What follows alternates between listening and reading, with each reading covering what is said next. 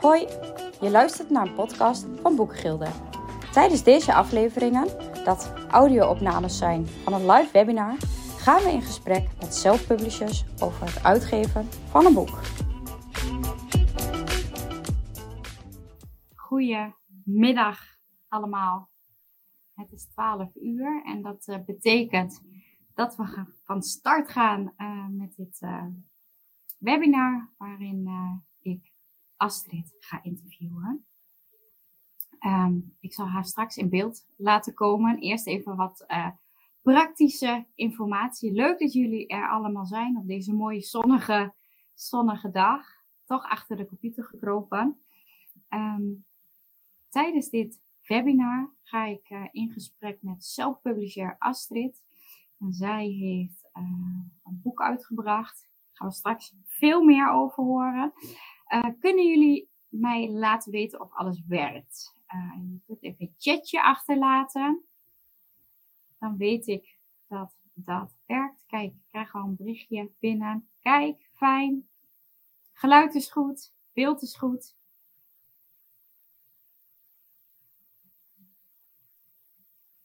de presentatie kan even weg. Goed om te weten, um, uh, tijdens dit webinar kun je vragen stellen in de privéchat. Heel veel hebben al van tevoren vragen ingestuurd. Dat is eh, super fijn, want uh, die neem ik mee in het gesprek.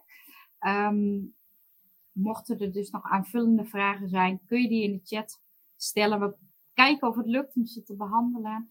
Um, vragen van praktische aard, dus echt, echt concrete vragen over drukken van boeken, of, of um, um, tarieven en dergelijke. Daarvoor wil ik jullie doorverwijzen naar de website van Boekengilde. Daar is dat allemaal op te vinden. Willen we in dit, uh, in dit gesprek niet te veel uh, op ingaan. Het gaat echt over het self-publishing uh, traject van Astrid. Um, wie ben ik? Mijn naam is Elle. Ik ben werkzaam bij Boekengilde. En uh, bij Boekengilde helpen wij auteurs met het zelf uitgeven van een boek. En daar gaan we het vandaag over hebben. Uh, we gaan het niet hebben over hoe je nou een goed boek schrijft, maar over hoe je zelf een boek uitgeeft. En als daar iemand goed over kan vertellen, dan is het Astrid wel. Ik ga um, Astrid in beeld laten komen. Dus als dit zet je geluid en je camera aan. Kijk. Hoi Astrid, fijn dat je er bent en dat je wilt aansluiten uh, in dit webinar. Ja, fijn dat jullie me gevraagd hebben om uh, aan te sluiten. Ik uh, vertel heel graag over dit proces. Ja, super. En werkt bij jou ook alles? Heb je goed geluid? Ja. Je kunt de chat goed zien. Ik kan de chat goed zien, kan nou, jou zien. Dus Fijn. Je zit op een mooi, uh, mooi plekje met uh, jouw boek achter je. ja, uh, dat is meteen een eerste tip. Promoot je boek wanneer je maar kan. ja, ja, inderdaad. Hey Astrid, kun jij kort iets vertellen over jezelf en over je boek? ja.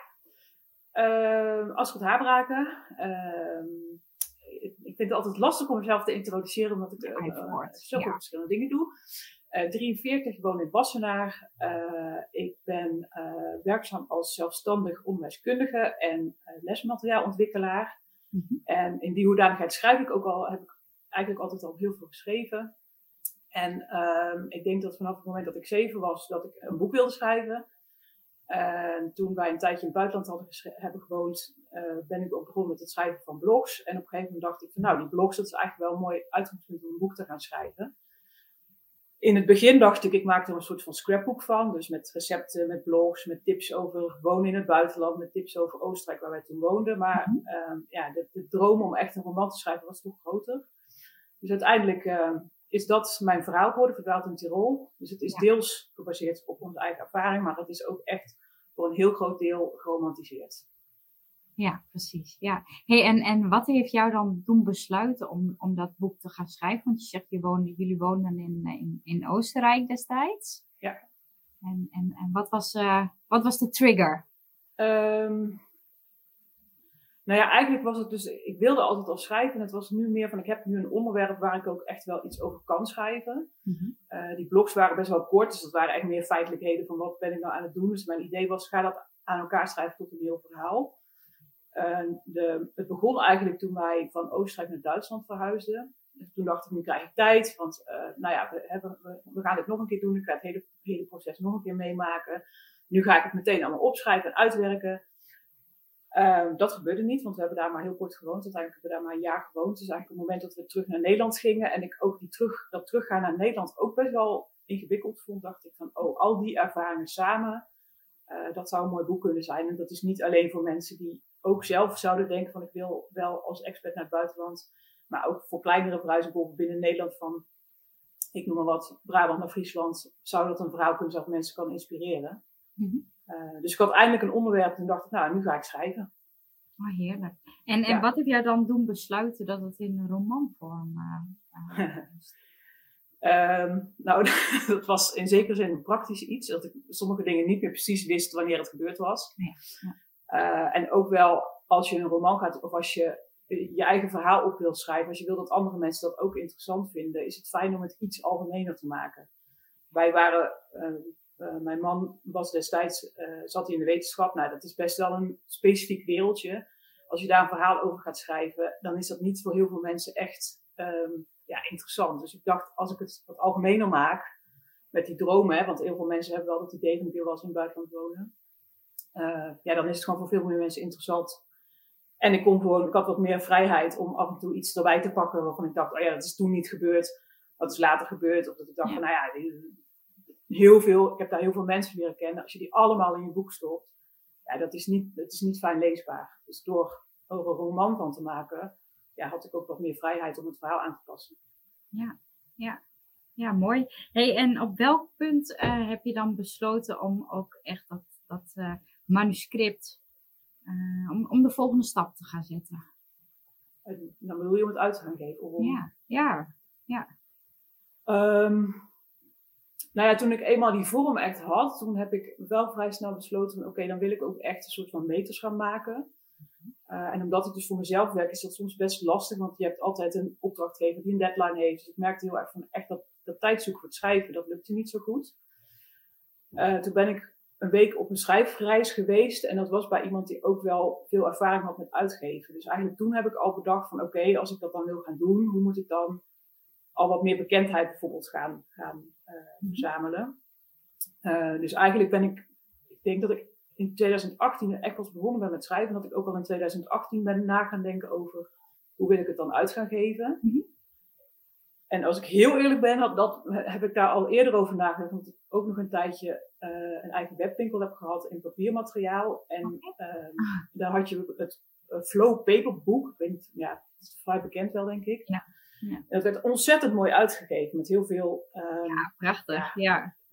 Dingen die erin kan doen, dingen die eruit kan halen, kaartjes. Uh, en ik had dus toen nog dat idee van dat scrapbook. En toen dacht ik altijd, ja, dat wil ik ook op mooi papier. En mensen kunnen er misschien wel een kaart uithalen of ze kunnen dingen gaan schrijven. Um, dus ja, dat, toen dacht ik al van ik wil het zelf uitgeven. En in het hele proces daarna heb ik daar ook wel eens aan getwijfeld. Maar uh, ja, uiteindelijk is dat, was dat, die kriebel toch zo, zo sterk om het zelf te gaan doen, dat ik, dat, uh, ja, dat ik die keuze gemaakt heb in 2019. Ja, en, en heb je toen ook een uitgeverij overwogen? Of was, ja. was self-publishing voor jou al, al de weg? Het, eigenlijk was het dus vanuit mezelf heel erg het gevoel van ik wil het zelf gaan doen. Mm -hmm. uh, maar ook bij mij kwam toch een beetje dat gevoel van ja, als een uitgever het wil, dan zit er toch een stempel op. Dan is het toch van, hè, de kwaliteit is er, je hebt een, eh, een uitgever overtuigd, je bent uit die hele slushpile gekomen van boeken ja. die daar liggen. Ja, die hele stapels. Dus ik heb het uiteindelijk wel ingestuurd naar drie uitgeverijen. Hm. Um, en in de tijd dat ik daarop aan het wachten was, ben ik op het self-publishing evenement van de Boekengilde geweest. Mm -hmm. En daar hoorde ik onder andere Frank Kraken vertellen over het uitgeven. En toen dacht ik, ja, weet je, die kriebel, ik, ik wil het gewoon zelf doen. Ik wil niet dat een uitgever gaat zeggen, dit cover is niet mooi of dit, deze verhaallijn wil ik niet. Dus ik dacht, ik wil het toch echt zelf doen. Um, het is natuurlijk ook afgewezen in diezelfde tijd door die drie uitgevers. Ja. En op de een of andere manier was dat toch nog wel een soort van teleurstelling, maar ergens ook wel de bevestiging van ja, ik ga het, uh, ik ga het gewoon zelf doen. Ja. En daar ben ik toen ook direct mee begonnen eigenlijk. Ja. Oh, wat grappig. Dat, uh, dat het self-publishing event dan ook nog voor jou wel even destijds de bevestiging was om, uh, om, het, om die weg te gaan bewandelen. Ja, ja. Leuk, leuk om, uh, om te horen. Hey, en um, we hebben een, een kijkersvraag gekregen. En die had ik jou al eventjes voorgelegd. Want wie heb jij vervolgens dan als eerste jouw manuscript laten lezen? Um, ja, daar moest ik echt even goed over nadenken. Ik heb een uh, schrijfvriendin, uh, Jet Nijland, die, die ook uh, inmiddels het boek heeft uitgegeven. Die heeft in eerste instantie meegelezen. Ja. Uh, tijdens die schrijfvakantie hebben dus ook een aantal mensen meegelezen. Ook onder andere die docent die toen ook al aangaf van... Hey, um, Kijk, Jet is ook online. je, jouw personages zeggen dingen die ze eigenlijk helemaal nog niet kunnen weten. Dus die heeft toen ook stukken meegelezen. Na afloop van die schrijfvakantie had ik daar drie mensen die ook allemaal mee hebben gelezen. En pas toen ik het ook ingestuurd heb naar uitgevers en dat afgewezen heb ik een, een, echt een redacteur gevraagd. En uh, nou, dat had ik wel eerder moeten doen. Want toen kwam ik erachter dingen dat ik dacht, hé, hey, um, er zitten echt fouten, nou, fouten, er zitten echt dingen in het verhaal die niet helemaal lekker lopen mhm. en die niet, die niet kloppen. Dus dat was eigenlijk pas toen het verhaal al helemaal af was en wel dan ook door een paar proeflezers ge, uh, bekeken was. Maar pas toen heb ik echt een, uh, een professioneel redacteur mee laten kijken. Oké, okay, ja. Ja, oké. Okay. En um, um, die redacteur, hoe heeft die jou dan geholpen om, om dat, dat manuscript weer, weer beter te maken, hè? die foutjes eruit te krijgen? Um, nou, hij heeft in eerste instantie een, een zeg maar, globaal rapport gemaakt, dus van alle punten in het verhaal van hoe dat dan zat. Uh, en, en, waar dingen dan niet klopten en waar dingen anders moesten. Toen ben ik gaan herschrijven, heeft hij het nog een keer gelezen. Uh, en nog weer een paar punten aangegeven, dat moet dan ook nog anders. En die versie heb ik uiteindelijk naar een tweede redacteur gestuurd, die dus ook meer gekeken heeft naar van hoe is dan de opbouw van de zinnen en um, ja, meer, meer op detailniveau heeft hij toen gekeken. Ja. En daarna, maar dat was wel in de drukproeffase, heb ik het ook nog naar een corrector gestuurd. Die dus echt nog naar de laatste dingetjes heeft gekeken, nog naar de afbreking, of dat allemaal klopte. Ja, dus kan jij dan concluderen dat je echt wel meerdere redactie- en correctierondes aanraadt? Ja. Ja. Ja. En um, ik zou zelf zeggen, doe ook meerdere, laat ook meerdere redacteurs meekijken. Um, want ja, op een gegeven moment, kijk, als je echt heel veel moet herschrijven en uh, die redacteur heeft dat verhaal al een keer gezien, dan kan die ook blind worden voor bepaalde dingen. Pak, ga je nog een keer een andere redacteur inhuren of een corrector, dan gaat hij, dan gaat hij weer kijken naar die punten die jij toegevoegd hebt. En dat, die kijkt weer met een scherpe blik, dus die haalt er weer meer dingen uit.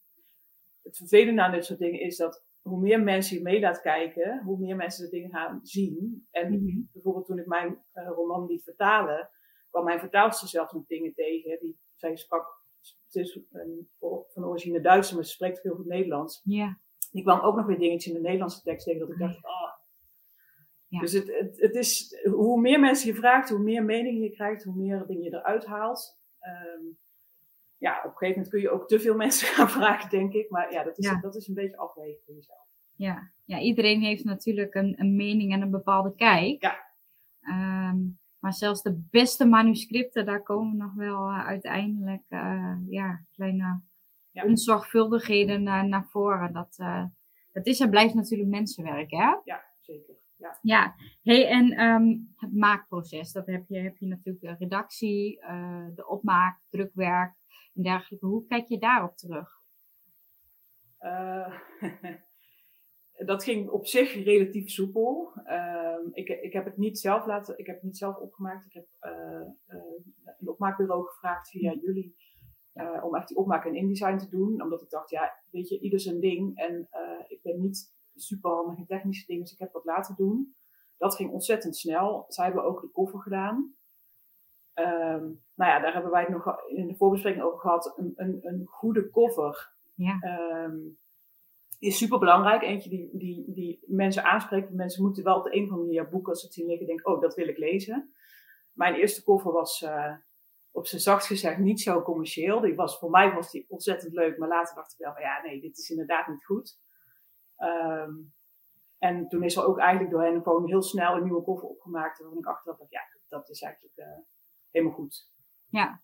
ja. Ja, wij waren uh, vorige week inderdaad even aan het voorbespreken. En toen, toen zei Astrid van, goh, en weet je dan nog dat eerste, eerste kofferontwerp? En dat wij uh, jou inderdaad hebben aangegeven dat wij die niet zo commercieel vonden. Um, ik heb hem hier uitgeprint. Mag ik hem laten zien? Ja, dat mag. Om eens te kijken hoe, uh, hoe, dat, uh, hoe dat in eerste instantie was. En hoe het is geworden. Kijk, dit was het eerste um, kofferontwerp van uh, Astrid. Misschien kun je daar nog iets bij vertellen. Uh, wat, wat jouw idee daarachter was? Ja, mijn verhaal gaat dus over iemand die ontzettend verdwaald nou ja, in, in de plek waar ze naartoe is gegaan. Uh, en op het moment dat je dat boek zeg maar, gelezen hebt, dan begrijp je dat dit gaat over, over de plek waar ze altijd zit, waar ze naar de buitenwereld kijkt, die eigenlijk een beetje aan haar voorbij gaat. Ja. Maar ja, als je het boek gelezen hebt, dan weet je dat. Maar als je het boek nog moet kopen in de winkel, weet je dat niet. En um, als ik daar wat nog een tip aan mag verbinden, op het moment dat je uh, bezig gaat met je boek, dan het is ontzettend lastig om uh, de feedback van mensen om daar wat mee te doen. Want het kan heel persoonlijk voelen, want je kan denken, ja, maar dat, is, dat heb ik toch uitgeschreven of dat heb ik toch, hè, dat, dat, die, die koffer van mij, die is toch heel duidelijk. Uh, vraag vooral heel veel mensen die, die nog niks van jouw boek weten. En, die, en, en laten kijken eens wat zij dan zeggen op het dat ze zo'n koffer zien. Of ze zeggen, oh, dat, dat spreekt me aan. Of uh, wat, waar denken ze aan waar, waar jouw boek over gaat. Dan krijg je echt een mening van iemand die nog niet in jouw hele proces zit. Uh, want ja, die gaan op een gegeven moment ook een beetje met je mee, omdat ze denken van, oh ja, uh, ja, ze weten gewoon waar jij over aan het schrijven bent. En dan kunnen ze denken, oh ja, dit betekent dat. Maar iemand die blind er naar kijkt, die nog helemaal niks weet, ja, die, die kan met een eerlijke mening komen. Daar kun je gewoon ontzettend veel van leren. Ja, en uiteindelijk is, dus, is het dus dit, uh, ja. dit geworden. En het zijn overigens ook wel echt bergen die inderdaad wel bij Innsbruck, waar het boek zich afspeelt, uh, liggen. Want dat vond ik dan wel heel belangrijk. Ja. Uh, ik, ik, maar, ik zie heel veel vragen over kosten uh, ja. voorbij komen. Um, ik wilde er wel algemeen iets over zeggen. Iedereen die je inhuurt kost geld. Zo simpel is het. Dus je zult voor jezelf heel duidelijk moeten bepalen van wat kan en wil ik aan het boek uit gaan geven. dus nog los van inderdaad wat je aan drukkosten kwijt bent. Je kunt um, heel goedkoop een koffer laten maken bijvoorbeeld. Maar ja, de vraag is, hoe aansprekend is die koffer dan? Uh, je kunt proeflezers vragen, als je echt kritische proeflezers hebt, die zelf veel lezen, die veel in jouw genre lezen, kun je een versie maken die, als je naar een redacteur stuurt, gewoon al best goed is, omdat die gewoon, uh, ja, omdat de structuur al klopt, omdat de verhaallijn al klopt. Maar helemaal geen redactie laten doen, zou ik je wel echt afraden, want het gaat rondzingen. Op het moment dat je boek veel fouten heeft um, en, je, en, je, en je krijgt een recensie en er staat in van ja, het is een leuk boek, maar er zitten veel fouten in. Ja, dat, dat is niet goed voor je verkoop, laat ik het uh, even voorzichtig zeggen. En uh, op het moment dat je dat met je eerste boek doet en je zou een tweede boek schrijven, komen die recensies ook weer boven. Dus wat je ook doet, ik zou in ieder geval aanraden om een redacteur te zoeken. Ik zag ook de vraag voorbij komen, hoe zoek je die dan? Um, er zijn heel veel schrijfgroepen van mensen die ook boeken zelf uitgeven. Daar komen wel namen naar voren van mensen die gewoon goed zijn. Die uh, bijvoorbeeld veel in de genre hebben gedaan. Of nou ja, waar mensen goede ervaring mee hebben. Um, maar ik zou ook aanraden, als je iemand gevonden hebt, ga altijd in gesprek met zo iemand. Want de ene redacteur is de andere niet. Um, de ene redacteur zal echt alleen maar de D'tjes en de T'tjes doen. Ja, de andere doet echt wat ik net ook aangaf, hè, die hele uh, uh, opbouw van je verhaal. Um, dus ga altijd in gesprek en vraag wat je kan verwachten van iemand. En ook hoeveel tijd iemand ervoor nodig heeft. En wat er bijvoorbeeld gebeurt als jij een week te laat zou zijn met het aanleveren. Want het kan gevolgen hebben. Mm -hmm. um, dus ja, dat, er is niet één pasklaar antwoord van hoeveel redacteuren dan. Dat hangt ook echt van je eigen financiële situatie af. Um, en van je, van je proeflezers. Als je gewoon ontzettend kritische proeflezers hebt, ja, dan, dan kun je er veel al zelf uithalen. Maar die laatste slag, reserveer daar echt geld voor. Ja. Uh, wat betreft uh, tarieven, um, zijn allemaal aan te vragen via, via onze website. Uh, daar kun je gewoon um, vrijblijvend een offerte aanvragen en dan, dan krijg je een beeld van, van een investering die nodig is. Is natuurlijk heel, heel, voor iedereen heel afhankelijk van keuzes die gemaakt worden. Aantal woorden, aantal pagina's en dergelijke. Dus ja, mocht mochten jullie daar meer over willen weten, vraag dat gewoon via ons aan. En um, via Boekengilde. Wij werken ook met externe redacteuren veel, vormgevers. Dus ben je op zoek naar iemand, laat het ons weten. En dan um, helpen we daarbij. Um, dus dat is dat kan, uh, dat kan zomaar. Ja, kosten is altijd is afhankelijk, is per boek enorm verschillend. Ja. Ja. Is voor jou ook weer anders. Jij hebt in 2020 uitgegeven. We zitten nu alweer in 2023. Ja. De papierprijzen zijn ook uh, enorm gestegen. Dus uh, ja. ja. dat zijn allemaal factoren waarin we daarin mee te maken hebben. Hè? Ja, en het hangt natuurlijk ontzettend ook af van welke oplage laat je drukken. Laat je er een hoge oplage is per boek voordeliger. Ja. Maar goed, je moet het wel kunnen voorinvesteren. Als je dat niet kan, ja, dan kun je beter kiezen voor een wat lagere oplage. Kun je later ook in je promotie mooi zeggen, kijk eens, tweede druk. Uh, ook iets uh, ja, ja. Waar, waar, je toch ook even een momentje van kan maken. Exact. Dat is, uh, gaat me ook nog weer een haakje naar een vraag van hoe schat je dan dat aantal dat je gaat laten drukken in? Heb jij ja. daar een tip in? Nou, ik zou in ieder geval kijken naar je netwerk. Heb jij bijvoorbeeld al uh, enorm veel volgers op Instagram, op Facebook? Heb je vrienden die lezen? Uh, schrijf je bijvoorbeeld een boek over een onderwerp uh, waar je ook je werk in hebt? hoe, hoe groot is jouw netwerk? Maak daar echt een reële inschatting van en, en hou er ook rekening mee. Waarschijnlijk de meeste mensen die hier online zijn, lezen veel en nou ja, ze zijn ook een boek aan het schrijven. Maar ja, lang niet iedereen leest. Dus hou er ook rekening mee dat mensen die zeggen van, oh ja, natuurlijk ga ik je boek kopen, dat misschien niet doen. Uh, je zou een pre-order kunnen doen, zodat je weet van, oké, okay, hoeveel mensen gaan dan ook echt, mm -hmm. uh, gaan dan ook echt bestellen. Ja. Uh, een van de dingen die mijn ogen heel erg heeft open doen gaan, is het, de melding dat van een gemiddeld, gemiddeld debuut in Nederland 500 exemplaren verkocht worden. En dan hebben we het dus ook over de grote debuten van hè, die zitten er allemaal bij. Dus de ene heeft er 10.000, de andere heeft er één. Gemiddeld is 500. Dus als jij een oplage van, ik noem maar 10.000 wil, ja, dan zou ik toch echt even nadenken of dat nou verstandig is. Um, ja, ik, ik heb uiteindelijk voor die 500 gekozen.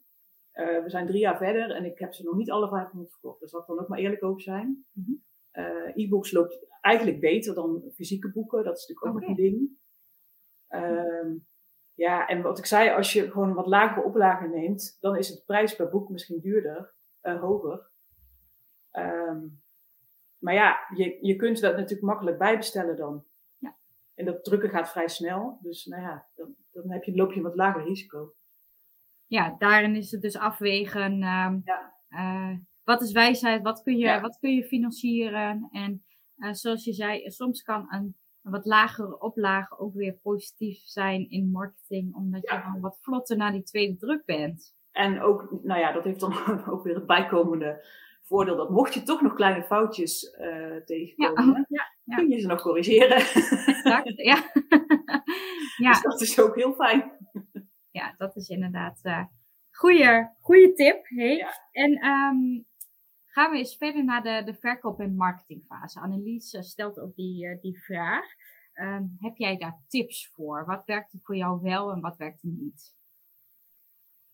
Um, nou, de, de, eerste tip, en dat is ook iets wat ik zelf eigenlijk een beetje onderschat heb, is begin echt op tijd. Um, dus een, een, collega van mij vergeleek het ooit met van, je komt een feestje binnen en je gaat meteen schreeuwen, hier ben ik, hier is mijn boek nou ja, dat, niemand zit daar echt op te wachten. Dus het is echt belangrijk om op tijd te beginnen. En zoek daarin ook een kanaal waarbij je past. Kijk, je kunt zeggen van ik moet Facebook, Instagram, TikTok, LinkedIn, uh, Pinterest, nou noem het maar op, alles doen. Maar dat kost allemaal tijd. En de vraag is of je er allemaal uh, heel blij van wordt. Mm -hmm. uh, voor mezelf weet ik bijvoorbeeld, ik vind Instagram leuk, maar Facebook, ja, daar, daar heb ik gewoon wat minder mee. Dus ik stop heel veel tijd in Instagram. Uh, dus ik zou echt zeggen, begin op tijd met delen over je boek. Um, en uh, realiseer je daarbij dan ook dat lang niet iedereen alles van je ziet. Uh, dus je mag echt wel herhalen. Niet letterlijk. Ik zou niet letterlijk tien keer zeggen, mijn nieuwe boek komt 1 april uit, koop het nu. Maar variaties op iets wat je een keer eerder gezegd hebt, dat kan echt wel. Um, zoek boekbloggers. Je kunt natuurlijk de grote kranten proberen ik heb in mijn marketing gemerkt, ik heb bijvoorbeeld in Vriendin gestaan als een van de drie tips die zij dan iedere, volgens mij iedere week in het, in het blad hebben. Mhm. Ehm, als ik naar mijn verkoop keek, heb ik daar gewoon geen verkoop uitgehaald. Okay. Het moment dat ik op het blog stond, uh, ik moet het precieze naam, Tirol Hart van de Alpen. Ja. Ja, daar zat ik midden in mijn doelgroep. Dus daar had ik ineens, kwamen daar gewoon heel veel verkopen uit. Dat, ah, ja. Wat ik nog best spannend vond, want helemaal positief over gaat, is mijn boek niet. Maar goed, het, het werd heel goed verkocht. Uh, dus zoek inderdaad bloggers die misschien niet per se alleen maar boeken doen, maar ook andere dingen die juist een beetje tegen jouw onderwerp aanzitten. Dus die, nou ja, stel dat je, nou ja, receptenboeken is wel een hele makkelijke kookblogs, maar nou ja, zoek, zoek iets wat, wat een, website waar je op zou kunnen staan. Um, geef boeken weg. Uh, niet alleen aan boekenbloggers, maar inderdaad ook aan zo'n site organiseer een winactie. Mm Maar ook daarvoor geldt dat doe het niet te veel. Want op het moment dat je boek overal gratis weggegeven wordt, dan ja, um, verkoop je ook niks. Dus ja. ook zo simpel als maar zijn kan. Ja. Um, ja, ik heb zelf ook persberichten gestuurd. Vooral in de lokale kranten worden die vaak best wel één op één overgenomen. Uh, dat, dat levert natuurlijk ook lokaal wel veel verkoop op. Zorg dan ook dat je boek, als je het lokaal in een krantje hebt staan, dat het lokaal ook te krijgen is. Uh, dus ik ben ook bij de boekwinkels langs gegaan om te vragen, mag het daar in conciliatie liggen? Dat betekent dat ze afrekenen op het moment dat het boek ook verkocht is. Dus dat is eigenlijk voor de boekwinkel ook niet een enorm uh, probleem. Um, ja, wat nog meer? Heb je ook iets, iets van, nou ja, dat werkte dus echt niet? Nou ja, wat me dus echt tegenviel was dat op het moment dat ik in een fysiek tijdschrift stond, dat dat eigenlijk niet opleverde. Ja. Terwijl je daar natuurlijk best wel veel tijd in stopt om ook die persberichten te sturen, dat moet ook een beetje opvallen. Uh, dus ja, ik heb ook wel gedacht, zal ik dan mijn boek mee gaan sturen? Maar toen, ik, toen bleek dat dat eigenlijk niet opleverde, dacht ik, ja, dat ga ik dus niet meer doen. Um, ik heb ook ik kom oorspronkelijk zelf uit Eindhoven.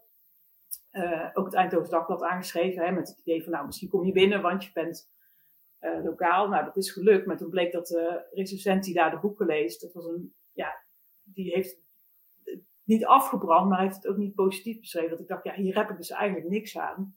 Dus zoek ook uit van, oké, welke recensenten, bij welke tijdschriften of bij welke blogs lezen een beetje mijn soort verhalen om te zorgen dat je wel een, een, fijne review krijgt. Kijk, als je aan mij bijvoorbeeld vraagt om een horrorverhaal te, te recenseren, denk ik, ja, dat kan ik beter niet doen. Het is niet mijn genre. Dus zoek dat ook uit van tevoren, voordat je een boek opstuurt. Ja, ja. Mooie, mooie tip. hey, en um, ook een vraag die we veel via de mail ontvangen hebben is, um, je hebt onlangs een Duitse vertaling uh, van je boek uh, uitgebracht. Hoe is dat tot, uh, tot stand gekomen? heb je dat aangepakt? Nou ja, dat heb ik nog iets dus, meer over vertellen. Ja, dat heb ik dus ook gewoon zelf gedaan. Want ik begreep dat de vraag kwam van wel, hoe heb je daar een Duitse uitgever voor gevonden? Ja, die heb ik niet gevonden, want ik heb het ook gewoon daar zelf gedaan. Um, nou ja, ik, het gaat dus over een periode dat wij in Duitsland, en, of sorry, dat we in Oostenrijk woonden. Uh, dus ik wilde eigenlijk heel graag dat het ook in het Duits beschikbaar zou zijn. Dus op een gegeven moment dacht ik van nou, ik ga eens rondkijken.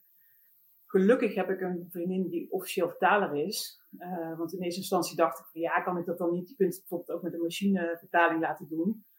Maar daar komen hele gekke dingen uit. Um, dus ik heb een, uh, een, vriendin gevraagd om dat te vertalen. In eerste instantie heb ik het alleen als e-book uitgebracht. En vervolgens dacht ik van ja, het is toch wel leuk als het uh, ook fysiek beschikbaar is. Dus toen heb ik het alsnog door Boekgilde weer laten drukken. Dus het ligt nu gewoon bij het Centraal Boekhuis. Via het Centraal Boekhuis komt het bij Amazon. En ja, ik moet heel eerlijk bekennen dat ik er niet zo heel veel promotie voor gemaakt heb voor het Duitse boek. Maar dat het toch aardig verkoopt. Dat ik dacht, nou, dat is toch, uh, ja, dat was, dat was, een leuke verrassing eigenlijk. Ja. ja.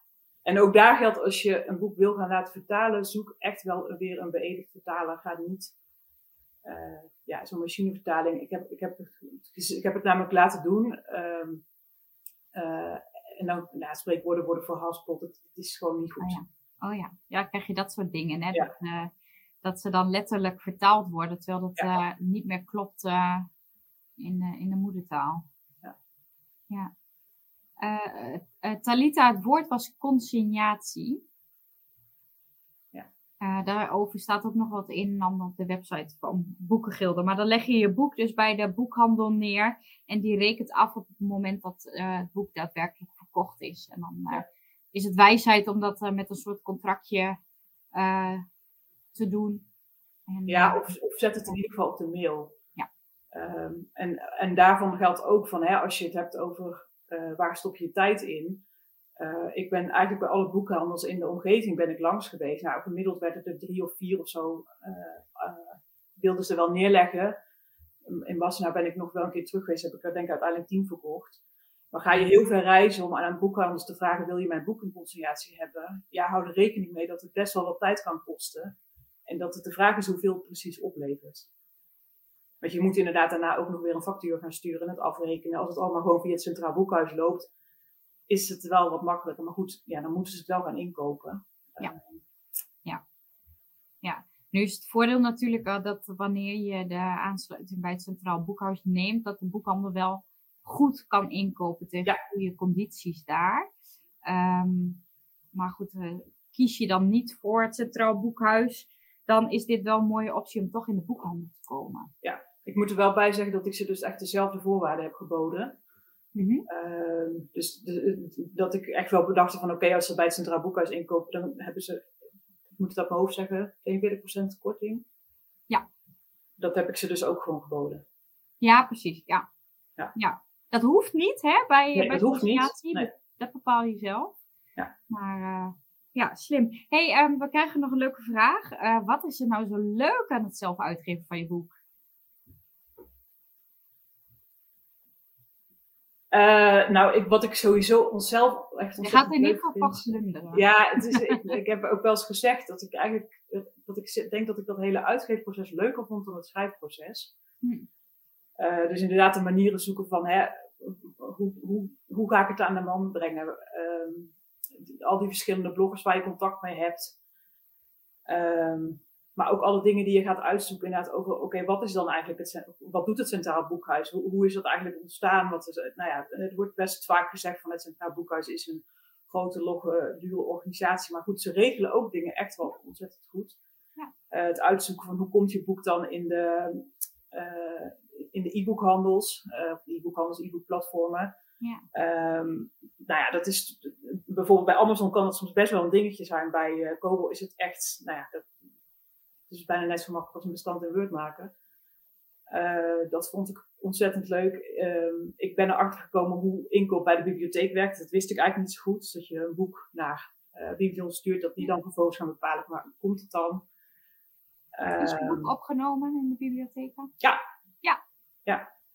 Ja. Dat, was, dat is ook gewoon ja, een heel bijzonder moment dat je daar staat voor de eerste keer met je boek geplastificeerd, met een hardcover. Dat je ja. denkt, ja, dit is wel dit is wel waar ik als zevenjarig meisje van droomde, zeg maar. Dus dat, was wel, uh, dat is echt wel heel erg leuk. Ja. Uh, maar bijvoorbeeld ook dat als je boek uitgeleend wordt, dat was iets wat ik niet wist, dat je daar dan ook uh, via de Stichting Lira, dat je iedere keer dat je boek uitgeleend wordt, dat je daar geld voor krijgt. Ja, als je het zelf uitgeeft, krijg je dat zelf. Gaat het via een uitgever, hangt het een beetje van af van wat die uitgever daarmee doet. Ja. de, e-, de, de, de, ene uitgever die, die, houdt dat, die houdt dat, de andere geeft het ook weer aan de schrijvers. Um, ja, het hele proces, iedere keer ontdek je weer nieuwe dingen en denk je ook van oké, als ik het nog een keer ga doen, wat ik nog niet helemaal zeker weet, uh, dan kan ik dit anders aanpakken. Dan kan ik hier rekening mee houden. Dan zou ik eerder dat kunnen doen. Uh, ja. en Misschien is dat nog wel leuk voor de, voor de kijkers. Dat uh, ja, wil je dat je boek in de bibliotheek komt, dan um, uh, kan Boekengilde daarbij helpen. Wat we dan doen is twee boeken opsturen. Dat is eigenlijk algemene procedure. Um, een recensent van MBD Biblion die gaat het boek dan lezen en daar wat van vinden. En wanneer dat positief is, dan komt er een um, recensie. En um, krijgen alle bibliotheken in Nederland die krijgen een seintje van: God, dit boek is nieuw in het assortiment en dat kun je gaan bestellen. En daaruit volgt een gebundelde bestelling. En dat zijn vaak best wel uh, leuke aantallen. Ja. En daarmee komt je boek dus in de bibliotheek. En vervolgens kun je als self-publishing auteur jezelf aanmelden bij Stichting Lira. Om ook uh, aanspraak te maken op die leenrechtvergoedingen. Dat en als je, als, ja. Als je jezelf ook nog zou registreren als uitgever, wat ik dus gedaan heb. Je, als, je, als je via boekengilden zou gaan, kan boekengilden als uitgever te boek staan. Ik heb zelf besloten om een eigen ja. ja uitgeverij op te, op te richten. Ook als uitgever krijg je van de Stichting Hieruit dan nog uh, geld. En voor mensen nu denken van, uh, dat dit ontzettend veel oplevert. Het is een paar cent per keer dat je boek uitgeleend wordt. Dus je, wordt er niet rijk van, maar goed, het is toch Volgens mij zag ik dat uh, Jet net in de chat aangaf dat het 3 cent per, per boek was. Uh, zag ik voorbij komen. Dus, uh... Volgens mij is het 3 cent voor een e-book. Okay. Dat is dan weer het andere punt, want je kunt alleen maar je e-book bij de online bibliotheek krijgen. Als je zelf een, een centraal boekhuisaansluiting hebt, dat is ja. wel even een ding, dat is wel jammer. En ik dacht dat het 10 cent was voor een fysiek boek. Oké, oké. Nog steeds niet dat je zegt van ik word er rijk van, maar toch, het is een leuke, Oh, ik zie nu Erika zeggen 25. Ja. Ik denk dat het misschien ook afhangt van de omvang van je boek, maar ik, ja. Dat, Dat, dat durf ik niet te zeggen. Ja. Jet en dat zelfpubbers verdienen wel meer. Misschien Jet, Jet heeft een uitgeverij oh, dan misschien. Die uh, wil dan natuurlijk ook een graantje meepikken. Ja. Hey, um, bij een volgend boek, uh, wat zou je dan anders doen? Nou, ik zou sowieso eer, nog eerder beginnen met de promotie. Dus delen dat ik weer aan het schrijven ben. Uh, wat het proces dan is. Um, ik zou dus ook eerder een redacteur of een, of een, of een schrijfcoach, het weet ik niet zo goed, maar in ieder geval iemand inschakelen om mee te kijken. Zodat je niet een heel manuscript af hebt en dan erachter komt dat je eigenlijk door het hele manuscript heen een bepaalde verhaallijn moet gaan aanpakken. Mm -hmm. um, bij het uitgeefproces zou ik nog kritischer gaan kijken van wil ik echt een fysiek boek uitgeven? Um, wat ik aangaf bij de e-books lopen in principe uh, beter. Ik vind het zelf nog steeds wel het feit dat mijn boek, hè, dat ik dat vast kan houden. Dus dat zou ik nog steeds wel doen. Maar ik denk wel dat ik een lagere of een kleinere oplage zou drukken. Ja. Ik zou ook nog meer gaan kijken van wat zijn er mensen waar ik mee samen kan werken. Dus zijn er blogs, uh, bloggers die iets met het onderwerp van mijn boek doen? Uh, kunnen we daar wat mee? Uh, ik heb zelf nooit een blogtour georganiseerd, dus dat verschillende bloggers dagen na elkaar een recensie van jouw boek gaan oh ja. uh, schrijven. Ja. Dat, is ook leuk. Ja. Dat, zou, dat zou ik nu wel gaan overwegen of dat ik dat zou doen. Ja. Um, ja, dat is het denk ik wel. Ja. Ik vind het wel, ik vind het wel grappig dat jij, dat in jouw geval de verkoop van e-books hoger is dan fysieke boeken. Want dat is eigenlijk een trend die wij bij Boekengilden eigenlijk niet, uh, uh, niet zo zien. Dus misschien is dat dan toch ook wel jouw type boek. Ja, of mijn doelgroep. Ik heb dus een boek geschreven over, over, over een expertleven. En ik krijg ook best wel veel reacties van mensen vanuit het buitenland. En dan is het natuurlijk toch, hè, als jij uh, een boek via bol.com in Amerika moet bestellen, dan is volgens mij de verzending is echt idioot als het dan kan. Ja, uh, maar kan ook niet eens. Nee. Dus dat is wel, in Weld natuurlijk ook via Amazon wel verkrijgbaar is. Ja, ja, precies. Ja, dat, is, uh, dat zit hem dan waarschijnlijk ook in de, in de doelgroep. Ja. ja. Hey, en um, um, wanneer je gaat starten aan dat self-publishing traject, hè, um, moet je dan van tevoren alles weten? Nee. Nee. nee. je kunt echt heel veel dingen kun je kun je onderweg uitzoeken. Het, het, natuurlijk, hoe meer je van tevoren weet, hoe beter je plan is. Um, ik zag net ook een vraag komen, had ik zelf een helder plan? Nee, had ik niet. Want ik, ik had wel echt wel aan dingen uitgedacht van hoe ik dingen zou gaan aanpakken. Uh, maar een van de dingen was, ik had bedacht, ik ga een enorme boekpresentatie in het Theater van Wassenaar uh, organiseren op 8 mei 2020. Nou, toen kwam corona. En toen dacht ik, ja, en nu? Uh, dus ik heb mijn hele plan, of nou ja, voor zover ik dat promotieplan toen had, heb ik eigenlijk omgegooid op het laatste moment. Um, en toen moest ik ook weer nieuwe dingen gaan uitzoeken. Dus dingen die ik nog niet wist. Van hoe, hoe ga ik dan, uh, ja, misschien een klein dingetje, maar hoe ga ik een première uh, in YouTube zetten? Want ik wilde graag op een bepaald moment uh, live gaan en dingen laten zien die ik al van tevoren had opgenomen. Ik, ik, had geen idee hoe het moest. Dus ik heb dat eigenlijk allemaal gaandeweg dingen uitgezocht die neem ik natuurlijk wel mee als ik een volgend boek zou gaan promoten en zou gaan uitgeven. Maar ik, van tevoren waren er echt best wel dingen die ik nog niet wist. En ik denk ook heel eerlijk dat als je. Um, ja, dat iedereen ook dingen op een andere manier doet. Dus ook als, al, al denk je dingen te weten, omdat je een, een andere auteur hebt gesproken die het zo gedaan heeft, het kan best zijn dat het in jouw geval anders is. En dat je toch weer iets nieuws moet uit gaan zoeken. En natuurlijk zijn er een aantal stappen die, die voor iedereen wel hetzelfde zijn. Maar hoe je ze precies invult, ja, dat, dat, dat is gewoon voor iedereen anders. En heb je je daarin uh, begeleid gevoeld? Of heb je echt het gevoel gehad dat je veel zelf moest uitzoeken? Alle, ja. Uh, nee, ik heb, ik heb wel veel dingen, heb ik wel het gevoel gehad dat ik daarin begeleid werd. Maar ook wel dat op het moment dat ik dacht van ja, maar dit, dit hoeft niet. Uh, nou ja, kom ik toch weer op het e-book, sorry. Ja. Ik had zoiets van ja, ik ga dat niet laten opmaken, dat kan ik ook zelf. Oh ja. Maar bijvoorbeeld in het geval van die koffer, ja, weet je, ik, als het, als het aan mij had gelegen, had hij met die vreselijke koffer gelegen die uh, ah. straks liet zien. Had ik misschien wel een tweede oplage laten drukken, dat weet ik niet zo goed. Ja. Maar daarin, daar, daarom ben ik heel goed begeleid. Het, het, hele verhaal van het opmaken, ja, ik, ik vind sommige dingen ontzettend leuk om uit te zoeken. Technische dingen met een computerprogramma vind ik wat minder interessant. Dus dat, het feit dat dat gewoon helemaal uit de handen werd genomen, vond ik super fijn. Ja, ja. Um, ja, en er, er, is gewoon, er zijn ontzettend, wat ik straks al zei, er zijn heel veel schrijfgroepen van mensen die zelf een boek uitgeven, waar je ontzettend veel informatie kan vinden. Dat is soms ook wel een beetje een, uh, een doolhof, dus je moet daar ook wel je tijd voor nemen. Uh, maar de, ja, er is gewoon heel veel informatie beschikbaar.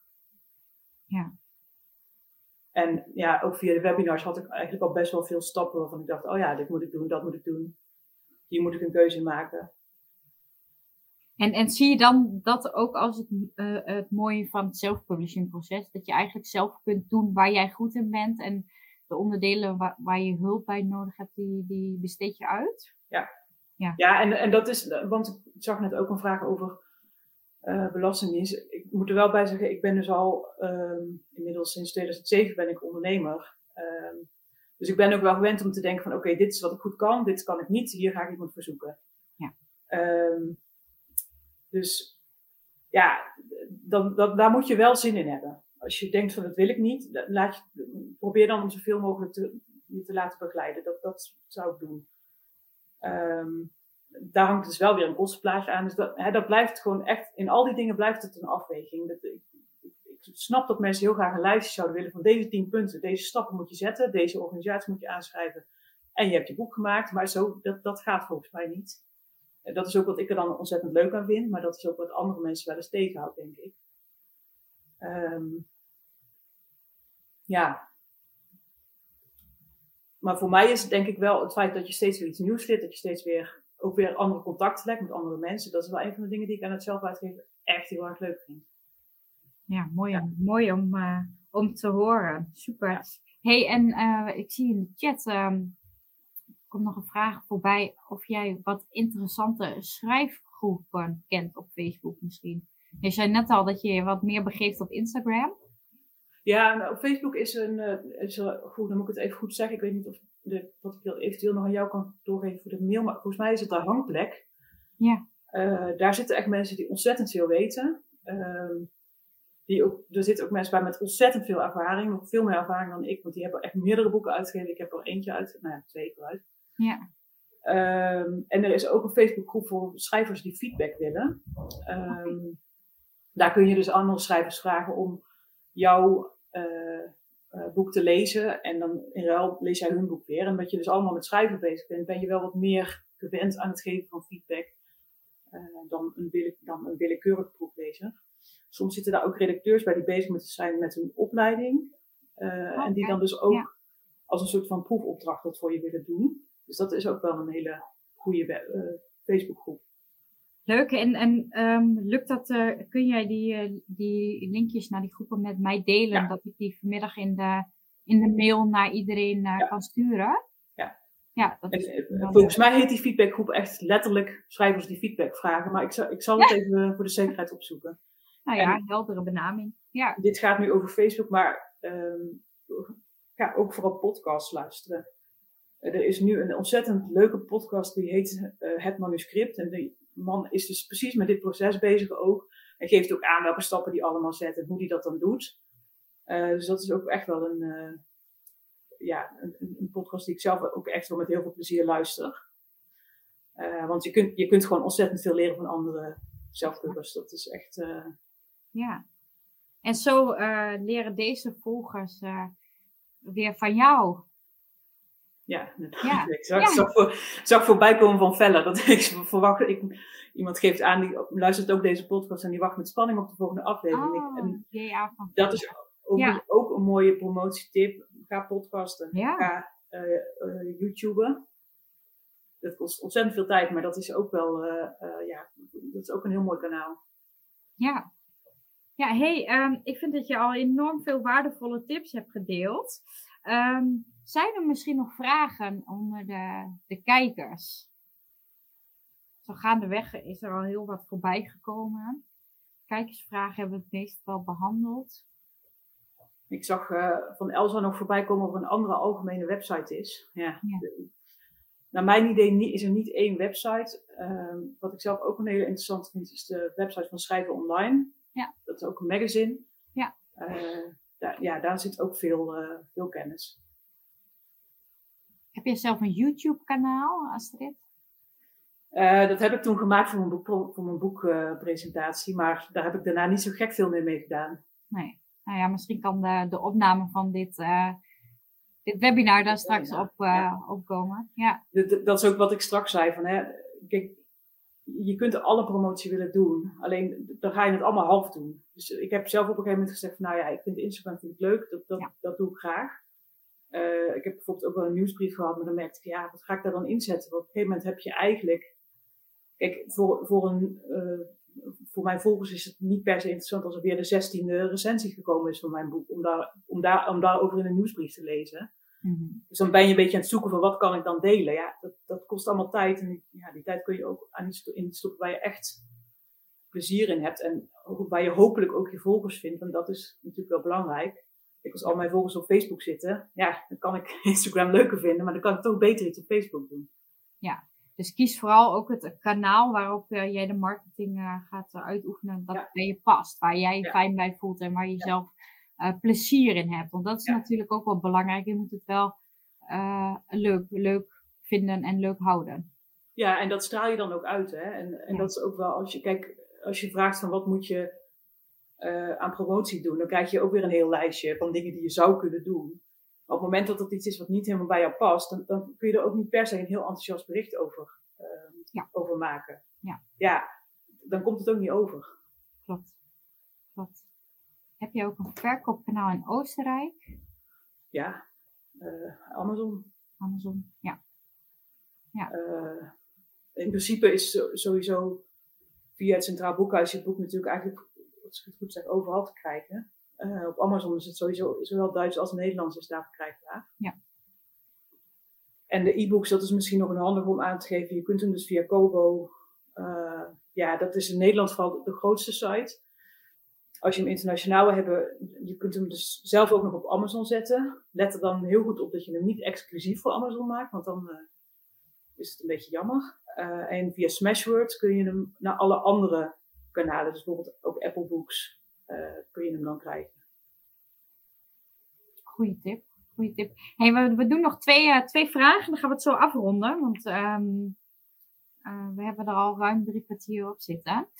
En dan hebben we Erika, die vraagt nog, hoe doe jij tijdens het schrijven en de promotie op social media? Wat zet je in je post? In je post?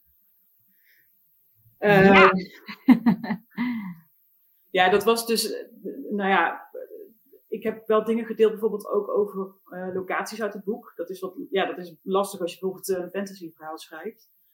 Uh, momenten die mij inspireren, momenten die, waarvan ik juist dacht, oh, ik had echt, ik zat, had de hele dag de tijd om te schrijven, is niet gelukt. Waarom is dat dan niet gelukt? Um, plekken waar je misschien je boekpresentatie zou gaan doen. Uh, ja, weet je, en mensen vinden kijkers achter de schermen vaak heel erg leuk. Dus daar kun je heel veel mee doen. Je zou, als je dat aandurft, ook kleine stukjes kunnen delen. Het is natuurlijk wel een beetje spannend, want je, het kan zijn dat dat stukje nog uit je boek gaat. Het kan zijn dat je denkt, oh, er zit nog een fout in als je het al gepubliceerd hebt. Dat overkomt mij regelmatig en dan denk ik, nou ja, dat is ook deel van het proces. Ja, ja. Uh, niemand, niemand rekent je daarop af uh, uiteindelijk. Nee. nee. nee. En, en tijdens het schrijven, ja, dat, haakjes zoeken, echt. Uh, kan ook zijn dat het bijvoorbeeld sneeuwt op een dag en dat ik denk, hé, hey, sneeuw heeft iets met mijn boek te maken. Dat link ik eraan. Ja. Ik, mijn nieuwe boek, als dat ooit komt, gaat over uh, Den Haag. Dus op het moment dat ik in Den Haag ben, denk ik altijd van, oh ja, dit zou een scène uit het boek kunnen zijn. Nou, dan kun je daar vrij makkelijk een foto van maken en er iets bij schrijven. Ja, dus echt op zoek gaan naar haakjes. Ja, en, en um, ga ook wat mensen volgen op Instagram die misschien waar je inspiratie van op kan halen. Dat kunnen andere schrijvers zijn, maar dat kunnen bijvoorbeeld ook mensen zijn die tips geven over hoe je Instagram gebruikt. Ik ben zelf bijvoorbeeld ontzettend fan van By Bird, die op een hele leuke manier uh, Instagram tips deelt. Uh, ja, weet je, ga, ga, ga ze ook volgen. Ze geven soms bijvoorbeeld contentkalenders weg van, uh, die je dan 24 dagen kan volgen. Mm. Ik denk, oh, nou, dit kan ik op een later moment ook prima in mijn boekpromotie gebruiken. Ja. Ja. Wat was dat laatste kanaal wat je net noemde? Vraagt Hans nog. Uh, Smashwords. Al die links, oh. Oh, ja. nou, jullie kunnen ook mij, uh, mij volgen op Instagram. Dan zal ik alle links nog delen. Als je dan denkt, ik wil nog wat weten. Laat het vooral weten. Het kanaal van Instagram was By Bird.